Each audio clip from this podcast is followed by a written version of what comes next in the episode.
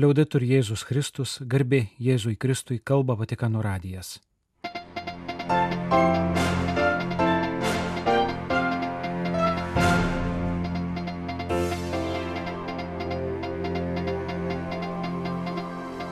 Malonus klausytojai šioje programoje. Popiežiaus audiencija Monserato Dievo motinos draugijai. Įžanginis Pranciškaus žodis knygoje apie šventumą. 27 eilinio sekmadienio Evangelija ir jos komentaras.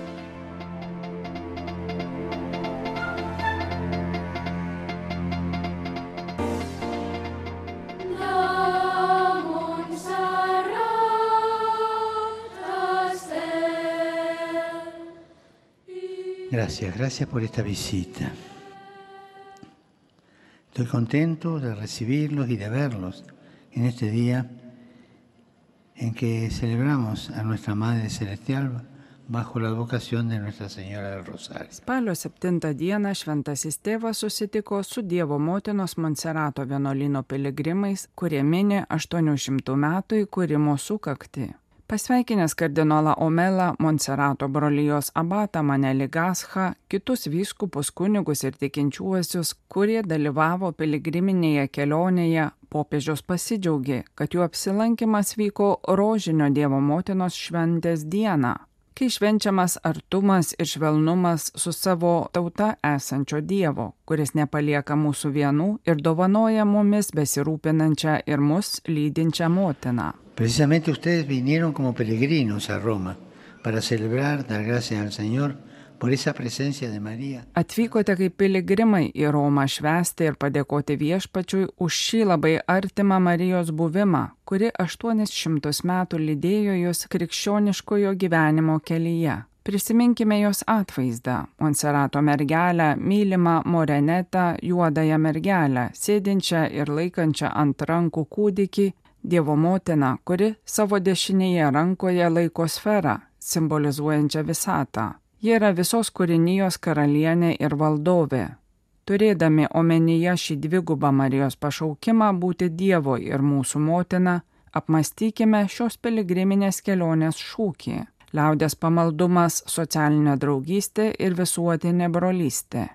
Žinome, kad maldingumas Marijai yra labai svarbus Dievo tautos pamaldumo apraiškose, kalbėjo popiežius kviesdamas įsivaizduoti tikinčiųjų mines, kurios per šiuos 800 metų aplankė šventovę Monserate, meldėsi rožinio malda ir nuolankiai prašė juodosios mergelės užtarimo savo ir artimiesiems. Kiek jie išsakė maldavimų ir padėkų, Evangelizuojanti liaudės pamaldumo gale sukuria palankęs sąlygas draugystės ir brolybės ryšiams tarp tautų stiprėti ir šią prasme pamaldumas Marijai turi išskirtinę vietą, tęsė popiežiaus pabrėždamas, kad Marija yra užtarėja, pagalbininkė konfliktinėse ar probleminėse situacijose, kaip pavyzdžiui pritrūkus vyno vestuvėse.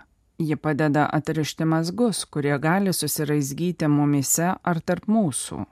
Marija taip pat nutiesia draugystės tarp tautų tiltus, kviesdama kreipti žvilgsnį į mūsų egzistencijos kilmę ir tikslą - Jėzų Kristų, ragindama sekti jos pavyzdžių eiti ramybės, gerumo, išklausimo, dialogo keliais. Brangus broliai ir seserys, Monserato mergelė, laikanti pasaulį rankose, kviečia patirti šią visuotinę brolystę be sienų, be išskirimų, brolystę, kuri išsklaido uždaros aplinkos šešėlius. Marija dėmesinga ne tik Jėzui, bet ir kitiems palikuonėms. Prisikėlusio viešpaties gale ji nori pagimdyti naują pasaulį, kuriame visi būtume broliai ir seserys, kuriame atsirastų vietos visiems visuomenės atstumtiesiems, kuriame spindėtų teisingumas ir taika, kalbėjo popiežius. Baigdamas sveikinimą, šventasis tėvas pasidžiaugė progą kartu apmastyti šias temas ir patirti Kristaus skelbimo džiaugsmą, kai už rankos mus laiko Marija, gyvoji Evangelijos motina ir naujoji evangelizacijos žvaigždė. Popiežius paragino Monserato bendruomenę tęsti šią misiją, kuri yra dovana ir užduotis. Bendiga, que la Virgen los cuide y que los ayude a seguir caminando juntos. Y de paso les pido que no se olviden de rezar por mí. Te laimina jūs Jėzus, te saugo jūs švenčiausioji mergelė ir te padeda toliau eiti kartu, kalbėjo popiežius paprašydamas nepamiršti melstis už jį. Šventieji, ne pasaulio lengvabūdžiai, kaip Dievo malonė mus išgelbėja nuo vidinio sugėdimo. Tai pavadinta šiomis dienomis pasirodžiusi nedidelė knygelė išleista Vatikano leidyklos, kurioje skaitytojas atras du popiežiaus pranciškaus tekstus ir įvadinį žodį Jos kopijos buvo išdalintos ir viskupų sinodo apie sinodiškumą dalyviams. Vienas tekstas apie sugėdimą ir nuodėmę buvo paskelbtas 1991 ir po to šiek tiek atnaujintas 2005, kai popiežius Pranciškus jau ėjo Buenos Airių arkivyskupo pareigas. Antrasis tekstas pasirodė visai neseniai. Tai popiežiaus Romos vyskupo laiškas Romos viskupijos kunigams, paskelbtas 2023 rūpiučio mėnesį. Pasak popiežiaus įvadinio žodžio, šie du tekstai atsidūrė vienoje knygelėje todėl, kad juos sieja ta pati gyja - truškimas perspėti apie riziką, pasiduoti pasaulio lengvabudiškumui ir padrasinti kovoti šventumo kovą. Krikščionių tikėjimas tai kova, vidinės grumtynės su pagunda užsidaryti savajame aš ir leisti, kad mumise apsigyventų tėvo trokštančio mūsų laimės meilė. Tai graži kova, nes kai leidžiame viešpačiui laimėti, mūsų širdis džiaugiasi pilnatvę, o mūsų egzistencija nušviečia begalybės spindulys, rašo šventasis tėvas.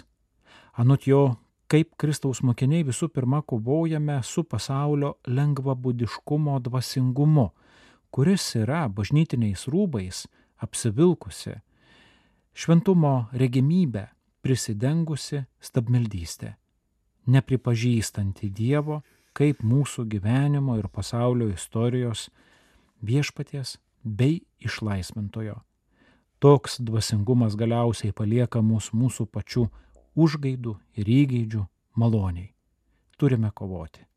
Ši kova nėra tuščia ar beviltiška, nes jau turi nugalėtoje - Jėzų, kuris savo mirtimi nugalėjo nuodėmės galę ir prisikėlimu suteikia mums galimybę tapti naujais žmonėmis.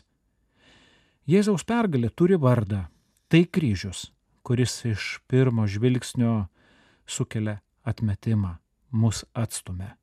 Tačiau jis yra beribės, nulankios ir atkaklios meilės ženklas. Jėzus mus mylėjo iki gėdingos mirties ant kryžiaus, kad nebegalėtume abejoti, jog jo rankos ištestos net paskutiniam nusidėjėliui. Ši amžina meilė meta iššūkį bei orientuoja krikščionio ir visos bažnyčios kelius. Jėzaus kryžius tampa kiekvieno tikėjimo pasirinkimo kriterijumi. Knygelės apie šventumą įvadę popiežius Pranciškus pacitavo vieną naujųjų laikų kankinio palaimintojo Pierre Clavery Urano miesto Alžere vyskupo homiliją. Manau, rašė šis vyskupas, kad bažnyčia miršta, jei nėra pakankamai arti savo viešpaties kryžiaus. Kad ir kaip paradoksalu, iš ten kyla bažnyčios stiprybė, gyvybingumas, viltis, krikščioniškas vaisingumas. Ne iš kitur. Visa kita tai yra tik žvilgsnė, užstojantis dūmai, žemiška iliuzija. Bažnyčia apgaudinėja save ir apgaudinėja pasaulį, kai apsimeta galybę tarp galybių galbūt humanitarinę organizaciją ar spektaklius rengiančiu evangelizaciniu judėjimu. Galbūt tada ji blizgės, bet neliepsnos, gesmių gesmės žodžiais, stipria kaip mirtimi Dievo meilės ugnimi. Dėl šio motyvo, pažymi Pranciškus, jis panoro į vieną knygelę sudėti dviejų laikotarpių tekstus. Vieną, kaip minėta, 1991 metų iš naujo paskelbta 2005-aisiais, jam esant Buenos Airių ganytojų, apie sugėdimą ir nuodėmę ir laišką Romos kunigams. Kas jiems bendra? Nerimas, kurį jaučiu kaip stiprų Dievo kvietimą visai bažnyčiai likti budriai ir kovoti su maldos jėga prieš bet kokį nulaidžiavimą dvasiniam pasaulio lengvabudiškumui, rašo Pranciškus. Šios kovos vardas, pažymė jis, yra šventumas. Šventumas nėra kartą ir visiems laikams pasiekta palaimos būsena. bet nepaliaujamas ir nenuilstamas truškimas būti arti Jėzaus kryžiaus ir leidimas save formuoti pagal savęs dovanojimo logiką, priešinimasis mūsų priešo įtaigai, jog mes patys esame savo pakankami, nors esame girdėję viešpaties žodžius, kad be jo nieko negalime padaryti. Šventumas yra atvirumas tam kažkam daugiau, ko Dievas prašo iš mūsų kasdienėme gyvenime. Kasdienybė yra vieta, kurioje reikia užleisti vietą mūsų nuo pakankamumo savo gelbstinčiam viešpačiui. Ir tai, kaip moka šventasis Ignacas Lojola, mus veda į laimę, kuri nėra efemeriška, neapčiopiama, bet pilna ir rami. Siūlau skaitytojui šios tekstus kaip galimybę apmastyti savo ir bažnyčios gyvenimą. Pažymi Pranciškus, pridurdamas, jog Dievas mūsų šventumo kelyje prašo būti atviriems jo naujumui, būti neramiais ir nenustykstančiais, o ne persisotinusiais bei patogiai įsitaisiusiems ar įsitvėrusiais į saugumą, kuris nėra tikras.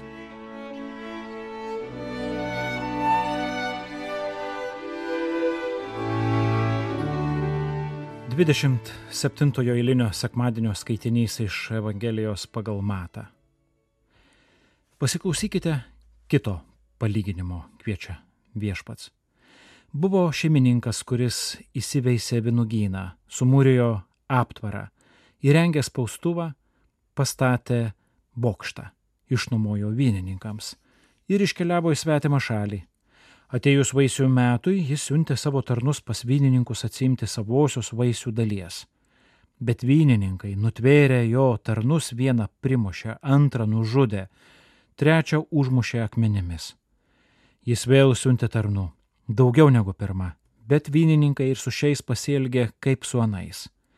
Galop jis išsiuntė pas juos savo sūnų, manydamas jie drovėsis mano sunaus. Tačiau vynininkai išvykę sūnų ėmė kalbėtis. Tai įpidinis. Eime, užmuškime jį ir turėsime palikimą. Nutvėrė jie išmetė jį iš vinogyno ir užmušė. Tad kągi atvykęs vinogyno šeimininkas padarys su tais vynininkais? Jie atsakė, jis žiauriai nužudys piktadarius ir išnumos vynogyną kitiems vynininkams, kurie atejus metui atiduos vaisių. Tuomet Jėzus tarė, ar niekada nesate skaitę raštuose, akmuo, kurį statytoje atmetė, tapo kertiniu akmeniu, tai viešpatės padaryta ir mūsų akims tai nuostaba kelia. Todėl sakau jums, Dievo karalystė bus iš jūsų atimta ir atiduota tautai, kuri duos vaisių.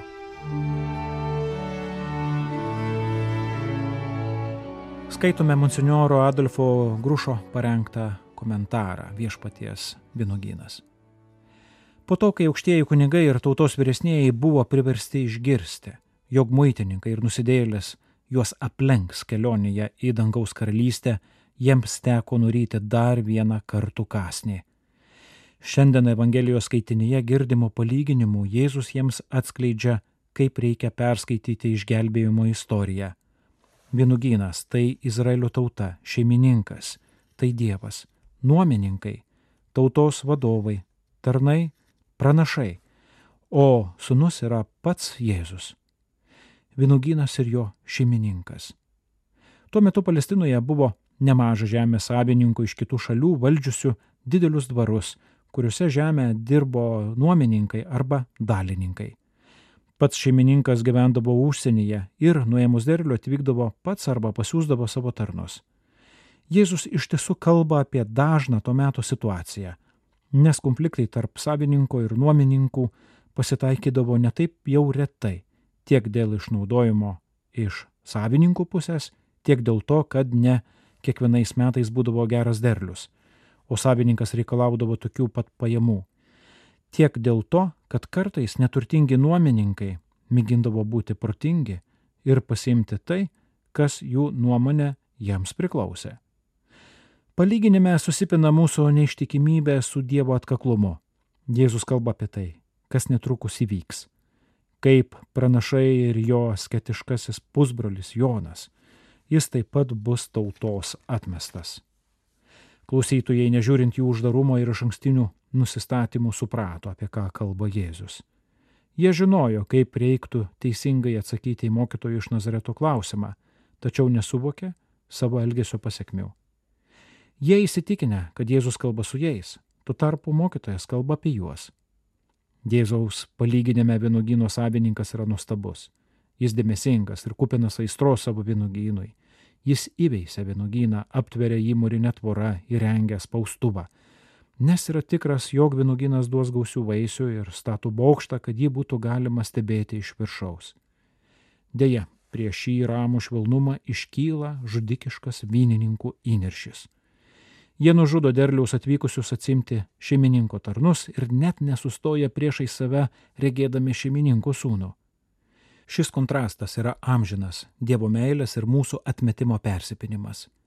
Kiek pasiuntinių Dievas siunčia į mūsų gyvenimą ir kiek užsidarimo, vidutinybės bei melo vis dar žymi mūsų santykius su juo.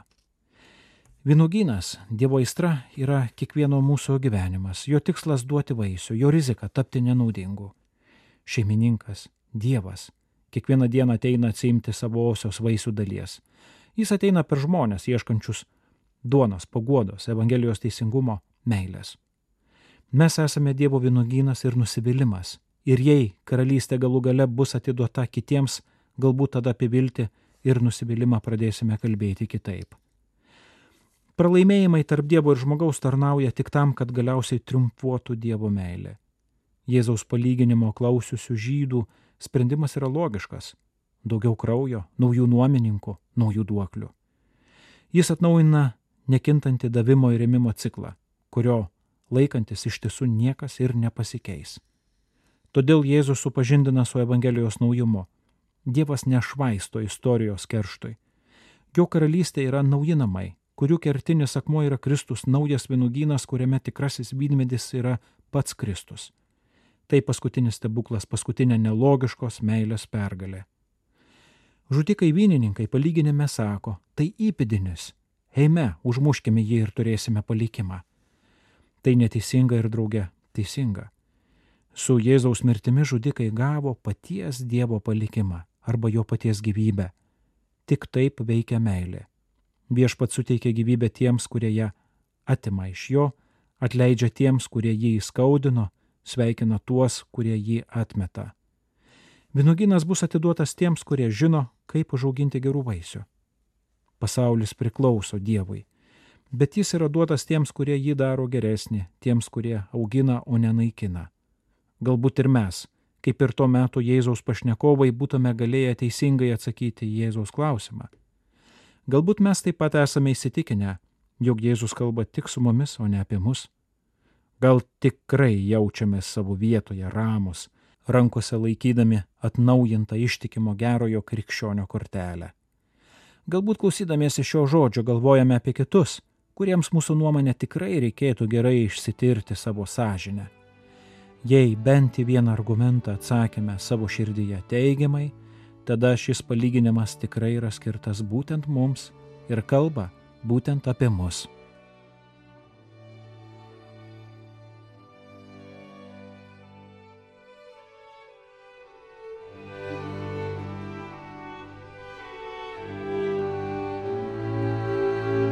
Malonus klausytojai, laidą lietuvių kalba baigiame.